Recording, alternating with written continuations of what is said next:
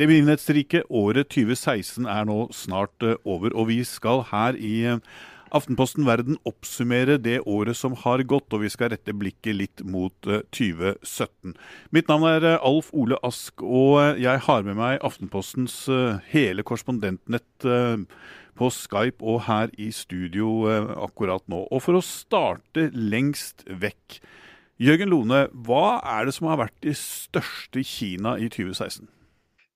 Tja, det må jo ha vært for oss som er opptatt av Norge, at uh, for, forbindelsene nå er uh, reparert. Og, uh, og at det, frystilstanden mellom Norge og Kina er over.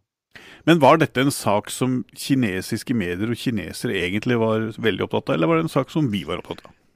Var, vi var jo veldig opptatt av det. Kinesiske statsmedier til dels var kolossalt opptatt av det og uh, fremstilte det som uh, en uh, kuing av Norge.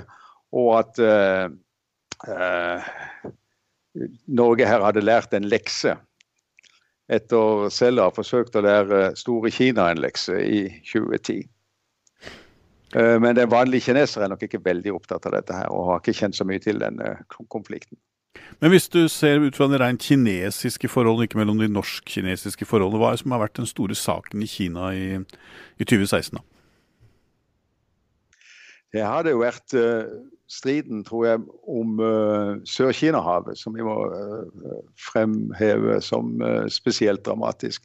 Og nå på slutten av året så er det jo Trumps utspill Eh, der altså USAs eh, neste president utfordrer ett Kina-prinsippet. Dette er en kjempesak for kineserne, og noe de er veldig opptatt av. Og dette er noe som også vanlige mennesker får med seg. Eh, da går vi til Moskva og deg, Per Anders. Hva har vært den store saken i, i Moskva i 2016? Skal vi ta utgangspunkt i mm, russiske medier, så har jo det vært det amerikanske valget. Og eh, krigen i Syria og brexit. Men hvis vi tar utgangspunkt i hvordan livet arter seg for vanlige russere, så er jo det store spørsmålet har vi nå nådd bunnen. Eller skal eh, vårt liv, vår økonomi, eh, våre familier få det verre i, til neste år? Eh, russere er veldig opptatt av eh, den økonomiske situasjonen. og eh, selv om det nå har kommet flere tegn som tyder på at bunnen er nådd, og at man har klart å snu den negative utviklingen, så blir, er veldig mange deprimert og urolige over at de vil være nede i denne bølgedalen lenge. Noen tror jo at det faktisk vil gå tre-fire år før russerne vil være i nærheten av å ha den samme kjøpekraften som de hadde for bare to år siden. Og så går vi til eh, Europa, eh, Øystein. Eh, si meg, du kommer ikke utenom å snakke litt om brexit, da? Nei, dette har vært et I hvert fall hvis du tar Brussels perspektiv på det her, og EU-perspektivet, så har det vært et vanvittig rufsete år for Europa. Det har jo vært veldig, veldig mye terrorangrep. Det var et militærkupp i Tyrkia, som er jo mildt sagt er destabiliserende og så har du brexit, og så har du Trump. Um, og brexit står kanskje igjen som i hvert fall en, internt i Europa den, den, største politiske hendelsen. Det har jo sendt store, store sjokkbølger, og man jobber jo fortsatt med å, å forstå omfanget av hva dette, hva dette, vil bety. Både på EU-siden og på den britiske siden. Eh, da, da, setter vi blikket over Atlanteren og til eh, deg, Kristoffer Rønneberg. Du, eh, eh Trump påvirker jo eh, alle, eh, hører vi fra, fra, den ene til den andre her. og eh, Har amerikanerne kommet seg av sjokket?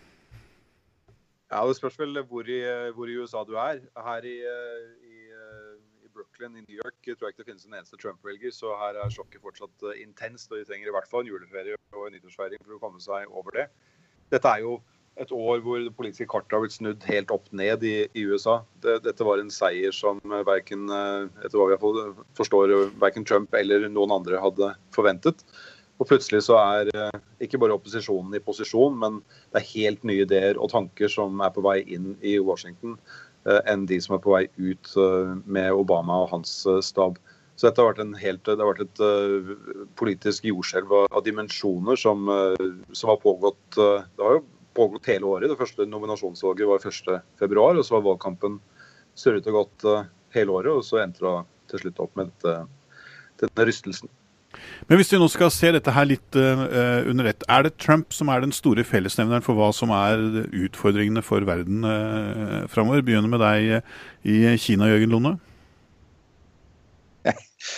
Ja, det syns jeg er litt vanskelig å svare på, om, om, det er den største utfordringen for Kina. Men det, som jeg nevnte, dette med at ett Kina-prinsippet blir uh, sådd tvil om på den måten som Trump har gjort med sine uttalelser, det er uh, svært alvorlig her. Og det blir jo sagt rett ut at freden og stabiliteten i Taiwan-stredet er avhengig av at dette prinsippet ikke utfordres fra, fra USA. Så de, Og med, med med de implikasjoner noe sånt eh, kan ha, så er det jo klart at dette er en kjempesak. Hvordan eh, ser man på, på Trump i, eh, og, si, skal forholde seg til Trump i Moskva da, da Per Anders Johansen? Nei, altså det, det, har jo vært en sånn Trump-feber her. De har til og med laget nye russiske ord som, som baserer seg på Trump trumpifisert. De er rett og slett De ser litt lysere på, på fremtiden enn de gjorde før valget. Og det har de jo for så vidt grunner til. Mange av de nærmeste medarbeiderne til Trump er jo tross alt uh, veldig godt kjent her i Moskva. De har levd business her, de har jobbet her. Uh, for ikke snakke om utenriksministeren. og, um, så, så, de er positive. Men samtidig så er det en viss sånn usikkerhet fordi at man uh, russerne selv er jo klar over at man ikke aner hva han står for. Men uh, i bunn og grunn, en, uh, man ser store muligheter. og det interessante er jo at det, i, i, forhold til samfunnsdebatten osv. Så, videre, så føler jeg at det at Trump har sendt, sendt ut så mange signaler eh, om at man ikke ønsker en tilspissing eh, av eh, sitt forhold til Russland. Det har gjort at russerne har vært nødt til kanskje vende litt mer blikket hjemover. Eh, de ikke, det blir ikke like lett å bruke USA og Vesten som et stort fiendebilde og som årsak til alt ondt. Man må se på sine egne problemer også. Eh, og, eh, ja, så Det blir veldig spennende å se hvordan dette forholdet, denne flørten, vil arte seg. Jeg tror nok at vi fort vil komme tilbake til at dette her dreier seg om at de store maktene vil forfølge sine nasjonale interesser. Og så får vi se hvordan det spillet utarter seg. Men jeg tror kanskje verden har godt av litt mindre moralisme. Det er iallfall russerne ute etter. Ja, hvordan eh, kommer man til å ta imot Trump i, i uh, Brussel, da, eh, Øystein Langberg? Altså, jeg tror synet, dette med Trump er litt todelt. Jeg tror det er en veldig stor bekymring for de strømningene Trump representerer. Det kom jo, Du hadde jo brexit, dette tolkes jo det samme bildet, og du har mange nyvalg neste år med, part med partier og, og, og, som, som, som, gjør det bra, ikke sant? og det skal vi snakke mer om etterpå. Trump i seg selv er det de delte meninger om. Uh, det er ingen tvil om, altså det er jo en del for folk som, har, som er veldig glad i EU, føderalister, den type ting, som ser på dette som en, en unik sjanse til endelig å få til en del type samarbeid i Europa. F.eks. For på forsvarsområdet, og der har det jo faktisk skjedd ting uh, siden Trump ble valgt. Så det er jo noen som på en måte tar tak i det, i det positive, mens, mens f.eks. i Nato er det selvfølgelig bekymring for hva som kommer til å skje med, med den makten som står for ja, den store store majoriteten av forsvarsutgiftene i alliansen, og hvordan man skal opprettholde en front mot Russland f.eks., er det stor bekymring for. Så, så meningene er litt delte i Brussel. Hvordan er det i, eh, i, Washington? Nå begynner det med eh, kabinett eller eh, administrasjon til Donald Trump å ta form. Kristoffer, har verden noe å frykte? Jeg vet ikke om vi har noe å frykte, men vi har mye å, å følge spent med på når disse nye regjeringsmedlemmene skal, skal, ut på høring i, i Senatet.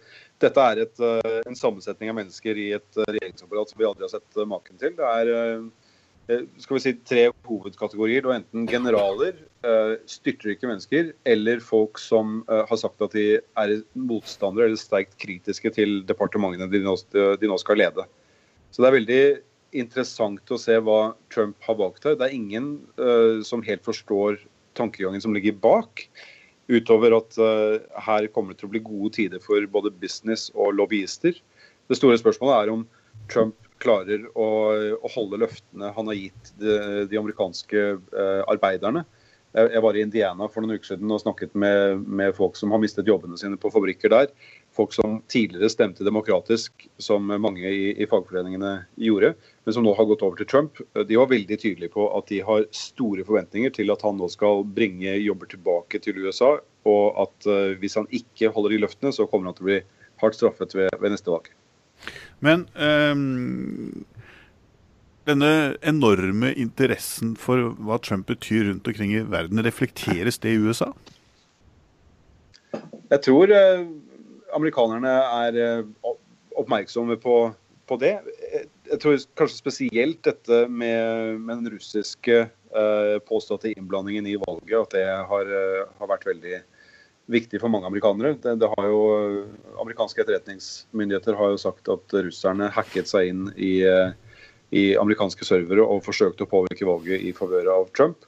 Det er jo mange som mener at uh, årets mann i Time Magazine ikke burde vært Donald Trump, men Vladimir Putin. Ikke bare pga. hva han har gjort i, i, USA, men også hva han har gjort i Syria. At han med knappe ressurser har klart å utøve en helt enorm innflytelse, som da også har påvirket hvordan ting ser ut i USA akkurat nå.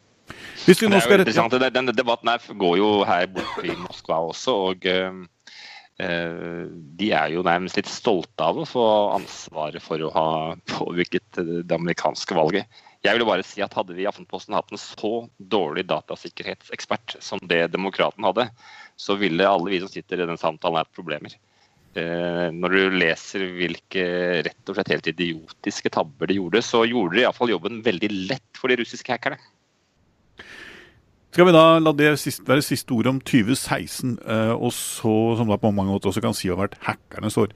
Eh, men eh, skal vi da rette blikket mot eh, neste år, eh, mine herrer. Eh, og la oss starte i, i, USA, siden du var sistemann på, på karusellen forrige gang, Kristoffer Rønneberg. ja, hvordan ser 2017 ut da? Det, blir det Trump-år det som 2016 var? Ja, Dette blir året hvor eh, vi får se hva som er retorikk og hva som er politikk. Trump skal innsettes 20.1. Eh, det blir eh, et, et, stort sirkus, som det alltid blir hvert fjerde år når presidenten skal, skal, innsettes. Dagen etter skal det være store demonstrasjoner i Washington DC, organisert av en kvinnegruppe som vil protestere mot det de mener er kvinnefiendtlighet i Trumps retorikk. Vi får se utover om eh, demokratene fortsetter med det de har sagt skal være en sabotasjekampanje. Nå har de levd i åtte år under republikanere som har hatt sabotasje som sitt fremste, eller et av de fremste virkemidlene i, i politikken. Det er ingenting som tyder på at demokratene kommer til å eh, oppføre, oppføre, seg noe penere enn det. De er rasende etter dette valget. De mener at det ble stjålet av russerne, av FBI. De er såre over at Hillary Clinton vant tre millioner flere stemmer i valget enn hva Trump gjorde. Så de kommer til å, istedenfor å forsøke å tilnærme seg Trump og hans uh, republikanske partifeller i, i, Kongressen, så kommer de til å gjøre det de kan for å ødelegge for ham og stikke kjepper i hjulene for ham. Så Men, det, det, kommer ikke til å bli noe pent syn uh, sånn politisk i, i, USA i året som kommer. Det, det er jeg helt sikker på. Og Hvis vi da går hit til uh, Europa, Øystein, hva, hva, hva, blir liksom Er det nå vi skal se resultatet av brexit? Ja, Det spørs hvor mye. Vi får i hvert fall se oppstarten på brexit-forhandlingene. Resultatet kan nok ligge ganske mange år frem i tid. Introducing Wondersuite from Bluehost.com. Website creation is hard. But now with Bluehost, you can answer a few simple questions about your business and get a unique WordPress website or store right away. From there, you can customize your design, colors, and content – And Bluehost automatically helps you get found in search engines like Google and Bing. From step-by-step guidance to suggested plugins, Bluehost makes WordPress wonderful for everyone. Go to bluehost.com/wondersuite. Hey, I'm Ryan Reynolds. At Mint Mobile, we like to do the opposite of what Big Wireless does. They charge you a lot, we charge you a little. So naturally, when they announced they'd be raising their prices due to inflation, we decided to deflate our prices due to not hating you. That's right. We're cutting the price of Mint Unlimited from $30 a month to just $15 a month. Give it a try at mintmobile.com slash switch. $45 up front for three months plus taxes and fees. Promo for new customers for limited time. Unlimited more than 40 gigabytes per month. Slows. Full terms at mintmobile.com. Introducing Wondersuite from Bluehost.com. Website creation is hard. But now with Bluehost, you can answer a few simple questions about your business and get a unique WordPress website or store right away. From there, you can customize your design, colors, and content. And Bluehost automatically helps you get found in search engines like Google and Bing. From step-by-step guidance to suggested plugins, Bluehost makes WordPress wonderful for everyone. Go to bluehost.com/wondersuite. De, fleste tror dette vil ta, ta svært lang tid. Men man må jo håpe at det kommer i gang, i hvert fall. For det har de jo ikke gjort det nå. Nå er det jo bare veldig, veldig mye frustrasjon og usikkerhet rundt hva som kommer til å skje. Jeg tror en annen viktig ting som kommer til å skje neste år, er, er man, får en, en, man får se flere, flere, eksempler på denne populismebølgen. da, og denne oppgjøret med de etablerte partiene. Man får se om denne trenden fortsetter, eller om man ser, ser at den blir slått tilbake. Eh, ganske tidlig så kommer det jo et valg i Nederland allerede i mars hvor, eh, hvor, ytre høyre har gjort det svært svært godt på målingene. De er klart største parti. og Spørsmålet er om de, klarer å holde det inn til mars. Uh, og Så kommer jo valget i Frankrike i, i, mai, som blir svært spennende. Hvor, uh, hvor, det jo nå ser ut som det kan bli en, en, kamp mellom høyre og ytre høyre i den andre runden i valget. Og så har du jo valget i Tyskland til høsten. Så det blir jo et, et svært avgjørende år for Europa. Eh, og så er jo spørsmålet om vi, om vi, tør å tippe på hvordan dette kommer til å gå. Det er vel nesten ingen som gjør det lenger. Eh, Marine Le Pen ligger jo langt, langt, langt bak høyresiden på målingene. Eh, men, eh, men, det er få som tør å si 100% sikkert at hun ikke er Frankrikes neste president. Det er noen som sier at en terroraksjon til, så er hun der. Ja, eh, og det er jo terror vil jo helt sikkert også komme til å prege Europa neste år. Det er jo få som tør å si at det ikke kommer til å komme noen nye angrep, eller kan gi garantier om det. Snarere så sier de jo politikerne at det er en stor trussel mot Europa fortsatt. Og eh, i, fra Moskva, da, eh, Per Anders Johansen. Hvordan ser 2017 ut? Nei, Den består vel i at de kommer til å følge nøye med eller de, altså Russere sitter og lurer på hva som skjer med oljeprisen, for det er jo alfa og omega. Nå har de planlagt for 40 dollar i budsjettet, og noen tror at kanskje oljeprisen kommer opp mot 60. Og det vil være veldig gode nyheter for, uh, for Russland. Uh, så det dreier seg om den gamle kampen mellom uh, TV-apparatet og kjøleskapet. Vil russere fortsette å la seg bli fòret på drømmer om stor makt og gjenerobring av eh, tapt eh, ære, eller vil den økonomiske hverdagen etter hvert bli så alvorlig at det vil ta over? Eh, jeg tror også at vi får en uh, veldig interessant diskusjon knyttet til Putin uh, og perioden etter han. Putin har nå for bare en par uker siden sagt at han ønsker å avslutte sin karriere med suksess. og han har nektet å si om han ønsker å ta gjenvalg. Og det er noe Putin må bestemme seg for innen høsten. Jeg tilhører de som ikke er så sikre på at han har lyst til å ta seks år til. For gudene skal vite at det å være president i Russland er en ekstremt slitsom og veldig lite fornøyelig jobb. Eh, og han nærmer seg jo en viss alder. Men, det, er, det er valg i Russland i 2018, ikke sant? Ja, men eh, valgkampen er jo så vidt allerede i gang. Aleksej Navalnyj startet eh, i forrige uke. Og Russland vil ha et stort problem hvis eh, Putin ikke tar gjenvalg. For da er eh, arverekkefølgen eh, ganske uklar. Og Kina, da? Partikongressen, er det det man sitter og venter på i Kina, Jørgen Lunde? Ja, i alle fall så er det jo sånn at uh, spekulasjoner om dette med arverekkefølge også pågår her. Uh, det blir uh, av noen spekulert på om Xi Jinping faktisk har tenkt å bryte med den ordningen som nå er etablert, at han skal ha to femårsperioder og så tre tilbake. Eh, på partikongressen som du nevnte, som kommer til å skje om eh, et eh, drøyt år, i november antagelig, så kommer han til å bli gjenvalgt for en ny femårsperiode. Det er ikke noe dramatikk i det. Det som er spennende med partikongressen, er at man vil se hvordan den eh, stående komité til politbyrået og andre helt sentrale organer i uh, toppledelsen i Kina blir sammensatt. Ut fra dette vil analytikerne kunne uh, spå om hvem som nå skal overta i 2022. 2022. Um, ellers så kommer jo Kina og resten av verden til å være veldig spent på hvordan forholdet til USA vil utvikle seg når Trump nå tiltrer og vi får et svar på dette. Hva er retorikk, og hva, hva kommer til å bli politikk? To av dere uh, går nå inn i deres siste måneder som uh, korrespondenter, henholdsvis Kristoffer Rønneberg i Washington og du, Jørgen Lone, i uh, Kina. Dere har vært begge to fire år. Ganske turbulente år, har det ikke vært det? Jørgen? Ja, ja altså det, det som jeg syns har vært interessant å, å, se her, er jo hvordan Xi Jinping har samlet mer og mer makt i sine egne hender. og at det, det er blitt hardere og hardere å være dissident i Kina. Uh, menneskerettighetene er blitt snått uh, altså Menneskerettighetsforkjempere blir slått knallhardt ned på. Og den utviklingen ser ut til å bare fortsette. Og du Kristoffer, du skal nå reise hjem etter snart fire år.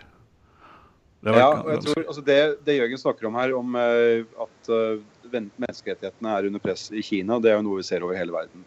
Jeg, jeg tror det vi har sett i år med brexit, med valget av Trump, med svingninger i uh, altså Nederland og Frankrike blir nevnt. Altså, det er en verden som er ganske urolig akkurat nå. Og vi har autoritære krefter på fremmarsj i, i Tyrkia. Vi har en, en, en, verden hvor de gamle ideene om demokrati og universelle rettigheter ikke lenger er like stabile som hva de var. Og Det tror jeg også vi ser, det er litt av uroen som er i USA akkurat nå, i hvert fall på den siden som ikke stemte på Trump.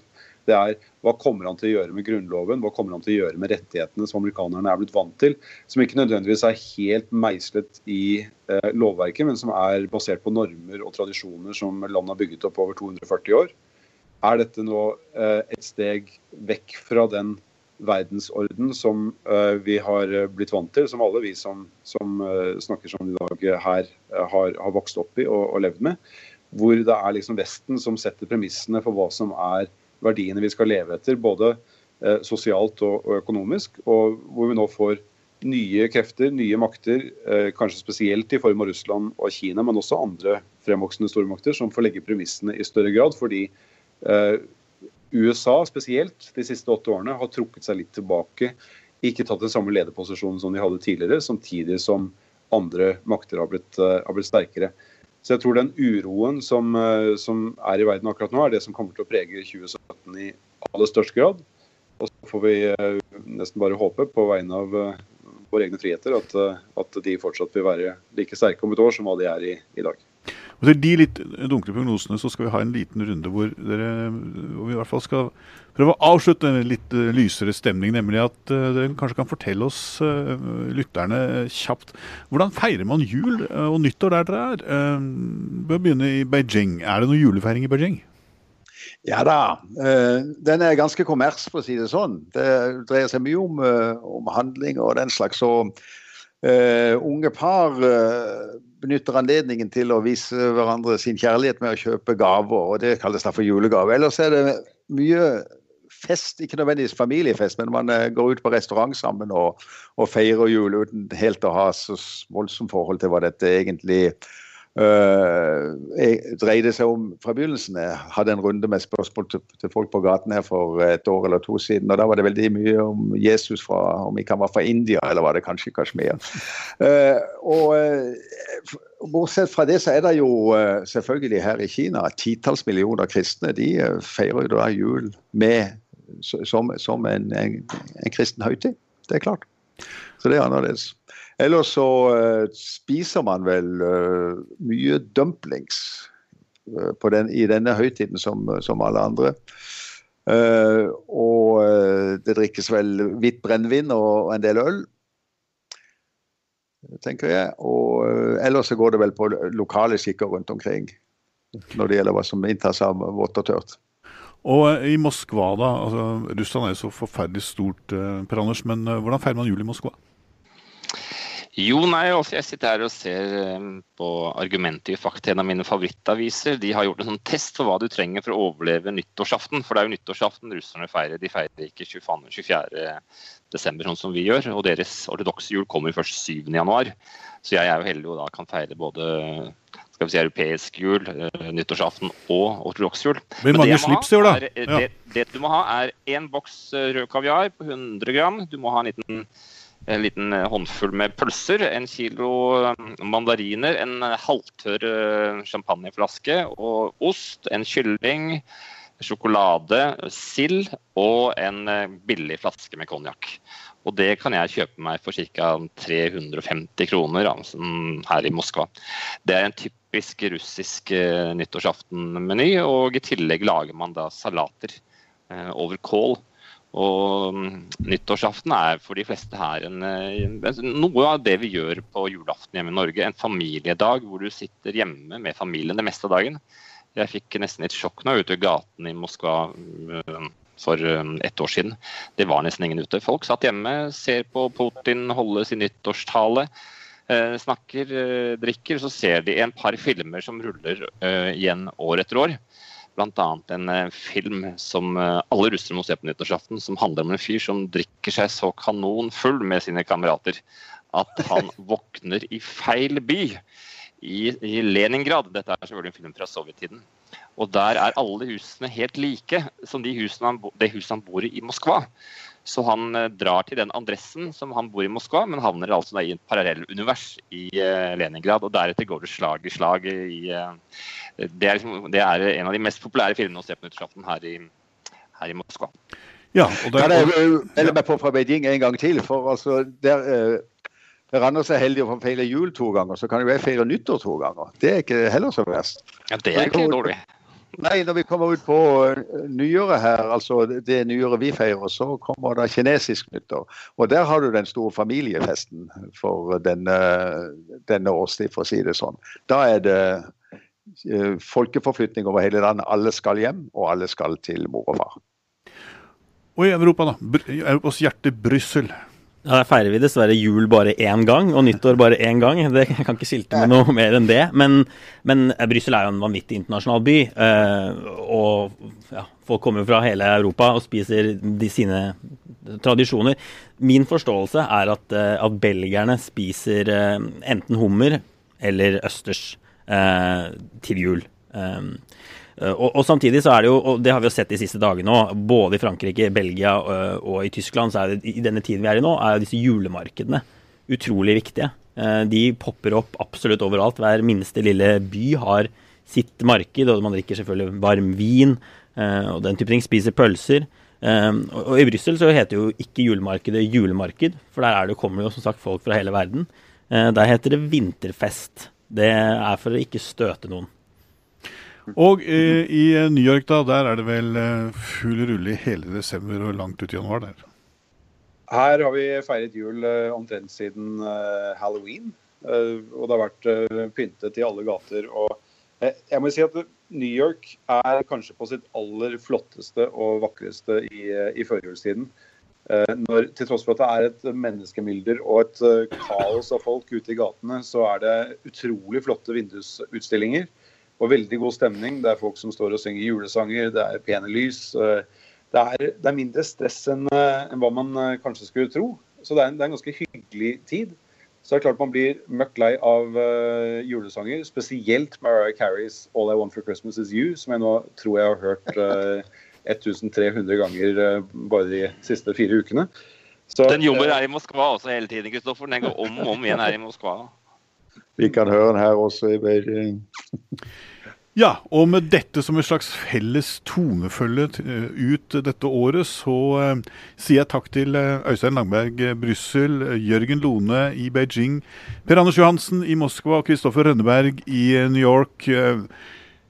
Fordi dette var eh, det siste vi hadde, og vi ønsker fortsatt god jul og et godt nyttår til eh, våre lyttere her i Aftenposten Verden. Om du skulle ha tid til overs i julestria, så finner du Aftenpostens utenriksjournalistikk på alle plattformer.